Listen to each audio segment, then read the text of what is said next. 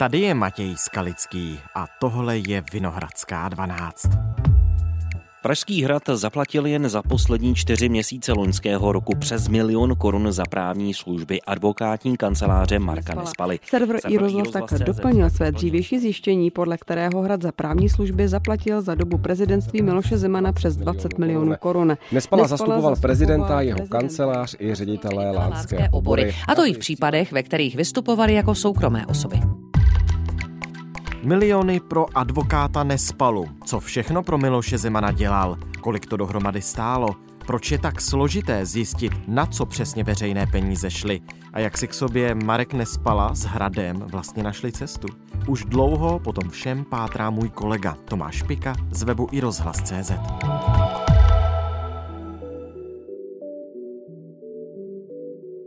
Dnes je pondělí 20. února. Tomáši, vítej ve Vinohradské 12. Díky za pozvání, Matěj. Pojďme začít tím nejzákladnějším. Kdo to je Marek Nespala? Marek Nespala je pražský advokát s 30 letou praxí. Po celých 30 let působil ve stejné advokátní kanceláři, původně byli jeho společníky třeba pozdější vrchní státní zástupce Jiří Kulvejt či hmm. bývalý soudce Evropského soudu pro lidská práva Aleš Pejchal, který k soudu přešel v roce 2012. Právě tehdy Marek Nespala převzal v této advokátní kanceláři plný podíl a od té doby nese advokátní kancelář už pouze jeho jméno, advokátní kancelář Nespala. Marka Nespalu můžeme označit za prestižního advokáta. Prominentního možná? Prominentního možná prohrát, ale mm-hmm. prestižní je. Alespoň tak o něm vlastně mluvili off record jeho kolegové, se kterými jsem jeho osobu probíral. Už od 90. let se zabývá obhajobou politických orgánů, vedení bank, investičních fondů a později právě prezidenta republiky a jeho kanceláře. Právě při obhajobě prezidenta Miloše Zemana se pak dostal do povědomí i širší veřejnosti. Co považuji za opravdu přes čáru je to, že v souvislosti s jeho zdravotním stavem každý má nárok na to, aby občas klopítl zdravotně. Ale zbavovat prezidenta republiky pravomocí, no to snad ne. Prostě... No a když tedy říkáš, že to je prestižní pražský právník, prominentní možná prohrát, tak jak se dostal k té spolupráci s Milošem Zemanem, protože to není poslední rok, dva, pokud se nemýlím. On s ním už od prvního prezidentského mandátu spolupracuje. Přesně tak a obecně vlastně advokátní kancelář eh, Marka Nespaly, dříve teda advokátní kancelář Pejchal Nespala, spolupracuje s Hradem už dávno před prezidentstvím Miloše Zemana. Eh, Dokonce. Přesně tak. Ta smlouva, která byla podepsána na Hradě, se váže k roku 2006, Aha. Tedy pochopitelně tehdy šlo ještě o prezidentství Václava Klauze. Vztah Aleše Pejchala k Václavu Klauzovi byl v té době poměrně blízký. O tom svědčí třeba i skutečnost, že její Klaus v roce 2003 dvakrát navrhoval na soudce ústavního soudu, což nakonec pokaždé zablokoval Senát. Pejchal zastupoval také Václava Klauze v několika právních sporech. Tím nejznámějším byla asi jeho obhajoba hradu ve sporu před ústavním soudem o Lisabonskou smlouvu. Prosím vás pěkně, prezident měl výhrady eh, k celé Lisabonské smlouvě, k celé listině. I Česko. Ústavní soud v nejsledovanějším rozhodování v jeho dosavadní historii vynesl verdikt, na který celá Unie čekala, že Lisabonská smlouva České ústavě neodporuje. Sděluji, že jsem Lisabonskou smlouvu podepsal.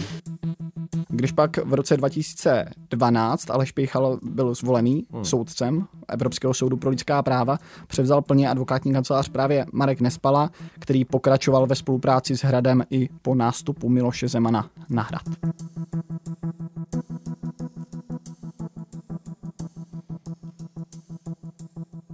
pokud jedna advokátní kancelář tak dlouho spolupracuje s Pražským hradem, tak eh, ta se nesoutěží, tam existuje nějaká jiná vazba, nějaká smlouva, kterou mezi sebou mají, nebo jak je to možné, že už od roku 2006 je jedna advokátní kancelář, která takto spolupracuje s Pražským hradem dlouhodobě. My jsme se tuhle otázku pochopitelně snažili ve svých textech odpovědět. Pátrali jsme potom, jak k podpisu té smlouvy došlo, jestli ta zakázka byla soutěžena. Tady je jeden zásadní problém a to, že smlouva mezi advokátní kanceláří, současnou advokátní kanceláří Marka Nespaly a Hradem byla podepsána ta původní v roce 2006 20. června. To znamená necelé dva týdny před začátkem platnosti zákona o veřejných zakázkách. Aha. když jsem tohle vlastně probíral s Jiřím Skuhrovcem, odborníkem na veřejné zakázky z organizace Datlab, tak on říkal, že smlouvy, které se datují před uh, začátkem platnosti zákona o veřejných zakázkách, jsou pravděpodobně pro nás nenávratně ztraceny, respektive neumíme je dohledat. To znamená, my ani nemůžeme určit, jestli ta zakázka byla vysoutěžena. A nám v tomhle jde pomáhání hrad, uhum. současná prezidentská kancelář, které jsme tenhle dotaz také samozřejmě pokládali a odpověď, kterou jsme dostali, je, že je to smlouva, která je stará 16 let a současní pracovníci na hradě zkrátka neumí určit, jak tehdy byla zakázka soutěžena. Citujeme z odpovědi mluvčího kanceláře prezidenta republiky Víta Nováka. Předmět původní i nové smlouvy je zcela identický. Vzhledem k tomu, že od uzavření původní smlouvy uplynulo více než 16 let, nemůže kancelář prezidenta republiky prokázat ani vyvrátit, jakým způsobem byla tehdy tato veřejná zakázka zadána. No, proč se na to i ptám, je ten důvod, že té advokátní kanceláři chodí docela dost peněz, veřejných peněz. Protože vy jste zjistili, že jen za poslední čtyři měsíce Pražský hrad té Nespalově advokátce zaplatil přes 1 milion korun. Za co? To odpovědět můžeme, protože za poslední čtyři měsíce máme k dispozici dokonce i takzvané přílohy faktur. My, když jsme mapovali vůbec celé to desetileté období Miloše Zemana a jeho spolupráce s advokátní kanceláří Nespala, tak na problém, na který jsme naráželi, je, že jsme dostali do ruky rámcovou smlouvu a faktury, které byly pro nás prakticky eh, nečitelné. Respektive byl tam výčet nějakých činností obecných, jako třeba doprava, ztráta času, hmm. poskytování právních služeb, konzultace, ale nevěděli jsme, k čemu se konkrétně vážou. Za co to je? Přesně tak. A co nám chybělo, byla takzvaná příloha faktury, kdy tam je vlastně rozepsaná celá činnost toho, co ten advokát v tu danou chvíli poskytoval. Takže my jsme měli k dispozici jenom měsíční faktury což pro nás bylo nečitelné. Teď máme za poslední čtyři měsíce i ty přílohy k dispozici. A v nich je co? A v nich je mm, třeba i popis těch konkrétních případů, kterými se advokáti Nespalově advokátní kanceláře zabývali. Takže kdybychom si to rozdělili do nějakých pomyslných kategorií, tak první můžeme nazvat jako třeba kontroly na hradě, hmm. Kdy advokáti Marka Nespaly pomáhali hradu třeba s kontrolou nejvyššího kontrolního úřadu, kdy mu poskytovali jakýsi právní support, konzultace, podávali tuším i odvolání vůči nějakým námitkám nejvyššího kontrolního úřadu a tak dále tyhle služby vyšly na necelých 65 tisíc korun. Nicméně, jak vyplývá z těch faktur, tak pomáhali třeba i s kontrolou eh, Národního archivu. Mm-hmm což byla vlastně ta kontrola na podezření na špatné vedení spisové služby v souvislosti se skartacemi archivovaných ano. či hmm. utajovaných dokumentů. No počkej, a to mi ještě řekni, já jsem se dočet eh, v článcích, které jste o tom vydávali na server i rozhlas, že jste obdrželi stran těch příloh faktur, že jste obdrželi taky přílohy faktur nadepsané v Rbětice a BIS. Co to má znamenat?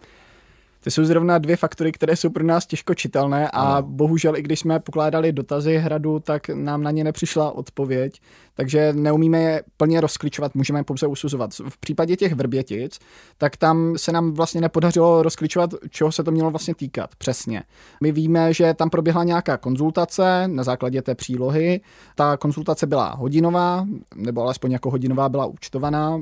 Nenapadá mě moc důvod, proč by si advokáti nezahrnuli třeba více hodin, kdyby tam jako strávili tou konzultací. Takže můžeme skutečně počítat s tím, že to byla velice krátká konzultace stran nějakého vyjádření k vrchnímu státnímu zastupitelství a k podnětům informačního zákona.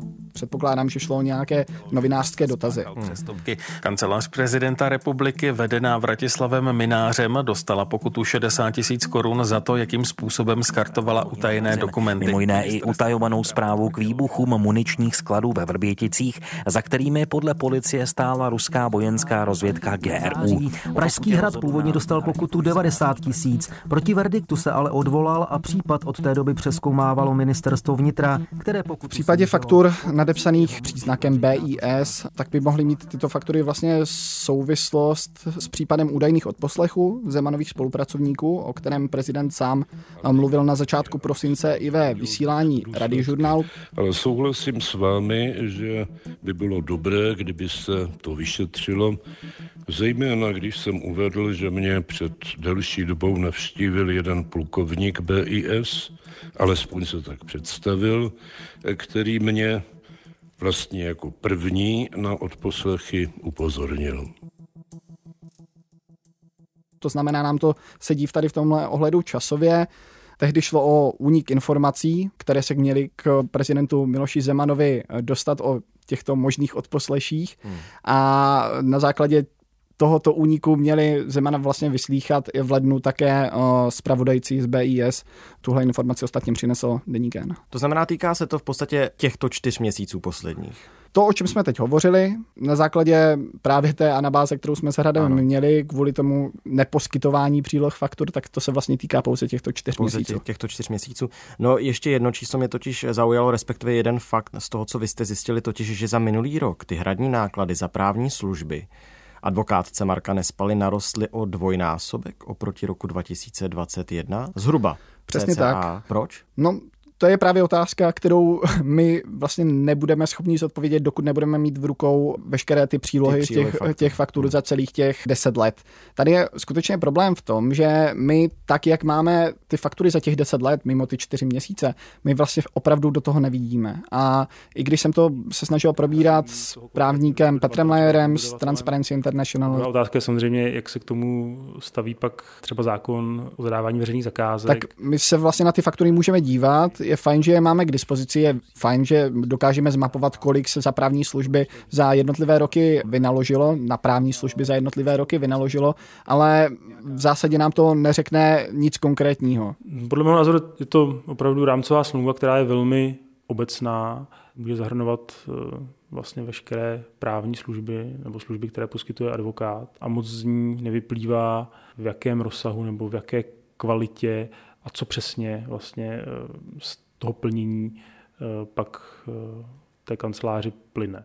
Takže... A teď otázkou, proč nám hrát tyhle přílohy faktur dříve nevydal, teď za poslední čtyři měsíce nám je vydal, ačkoliv jsme už v předchozích žádostech o informace žádali o veškeré dokumenty, veškeré faktury, veškeré časové výkazy, které se ke spolupráci mezi Hradem, Markem Nespalou a jeho advokátní kanceláří váží. A ptal se právě Pražského hradu, konkrétně i Marka Nespaly, protože pokud ty informace nemáme, a znovu říkám a zdůrazňuji, jde o veřejné peníze, veřejnost má mít nárok asi na to vědět, kam jejich peníze jdou, tak eh, oni lží, neříkají nebo neodpovídají třeba vůbec?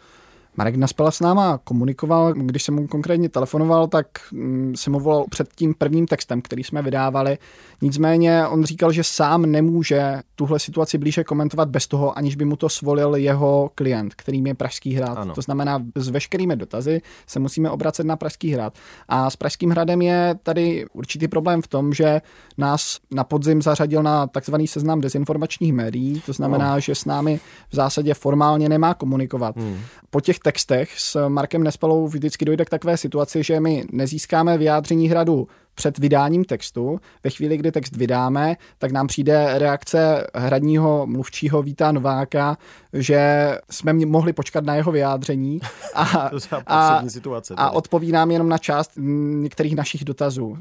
Často se to možná ani neváže k, k těm klíčovým dotazům, které pokládáme. A počkej, a čistě z novinářského hlediska, co vy pak děláte? Vy zařadíte to vyjádření do toho textu nějak zpětně? Tak my ho musíme zařadit zpětně do hmm. textu, protože píšeme o Pražském hradu, měl by tam mít ano, hrad své ano vyjádření. Samozřejmě napíšeme i to, že se vyjádřili po vydání textu, nenecháme to jako tak, že by to působilo, že se nám hrad tímto způsobem vyjádřil, že s námi spolupracoval.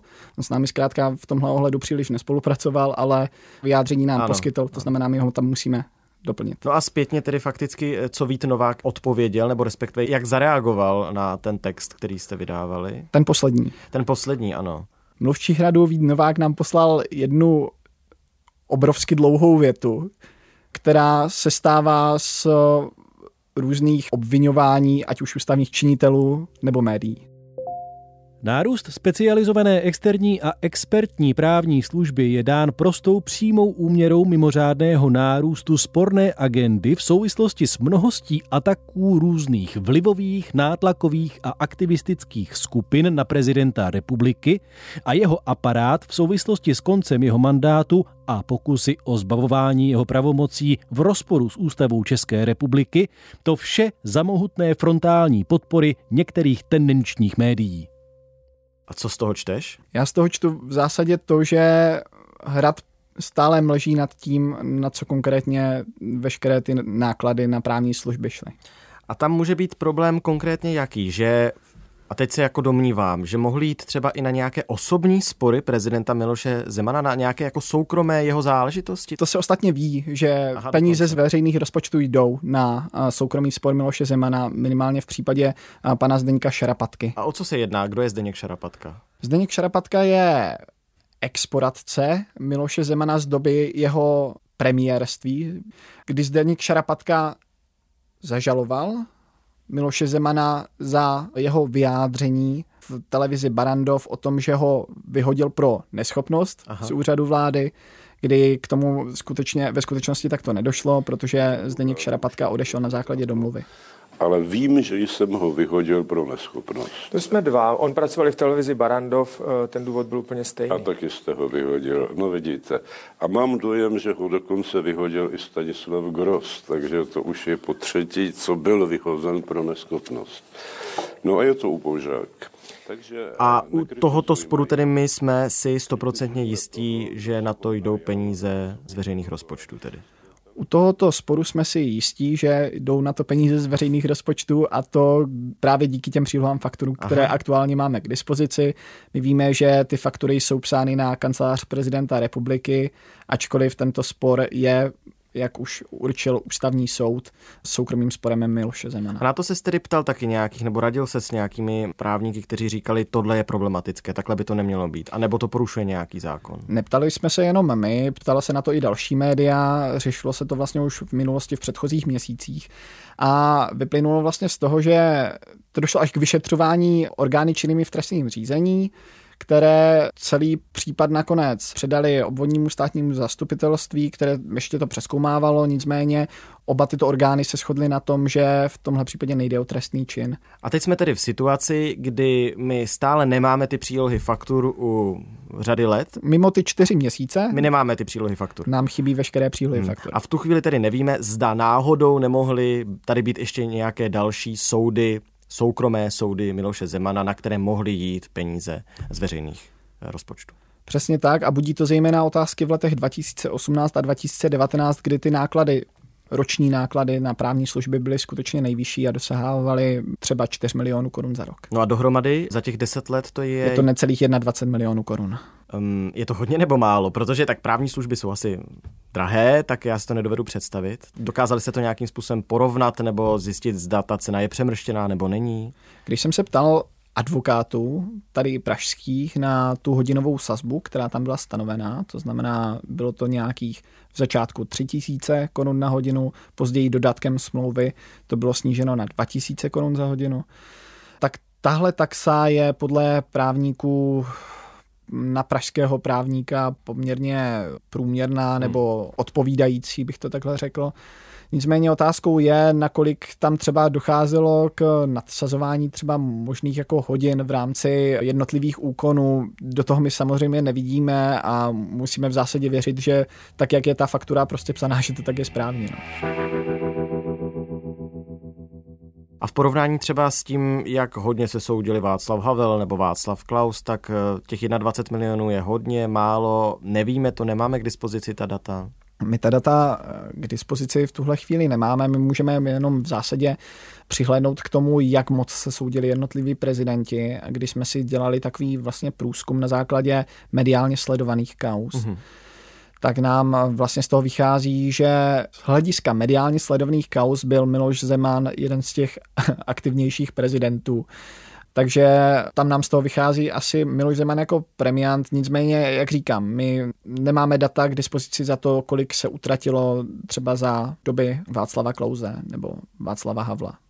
Tak a teď jsme tedy v situaci, kdy já předpokládám, se budete jako dál snažit získat ty přílohy faktur. Nicméně ne všechno zmůžou jenom novináři a totiž si tak jako říkám, jestli náhodou nemůže právě i na eh, tento faktor myslet nově zvolený prezident Petr Pavel zda by na to nechtěl mířit i tu kontrolu nejvyššího kontrolního úřadu. Dokonce tam je i doporučení, jestli si dobře vzpomínám, ze strany státního zástupce, který eh, řešil možné zneužití veřejných peněz na soukromý spor Miloše Zemana, tak je tam dokonce doporučení na to, aby nejvyšší kontrolní úřad, nebo doporučení, je tam formálně zmiňováno, že nejvyšší kontrolní úřad může zkontrolovat právě to, zda byly ty peníze vynakládány hospodárně, účelně.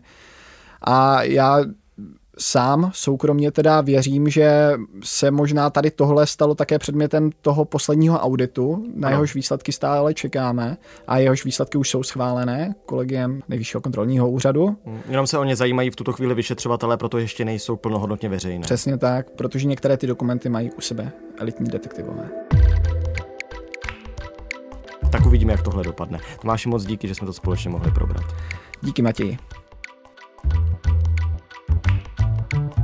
Tohle už je všechno z Vinohradské 12, z pravodajského podcastu Českého rozhlasu. Dnes s Tomášem Pikou, mým kolegou z webu iRozhlas.cz, který už nějakou dobu pátrá po tom, za jaké právní služby Pražský hrad utrácí. Jsou to peníze veřejné, proto nás to zajímá, proto mají i lidi právo vědět, na co konkrétně šli. Touto epizodou začíná nový týden, který v pátek vyústí výročím jednoho roku Putinovy války na Ukrajině. I to bude zcela určitě jedno z našich témat pro příští dny. Všechny naše epizody, připomínám, najdete tak, jak jste zvyklí, pod záložkou Vinohradská 12 na webu iRozhlas.cz, v aplikaci Můj rozhlas a ve všech dalších podcastových aplikacích. Naslyšenou zítra.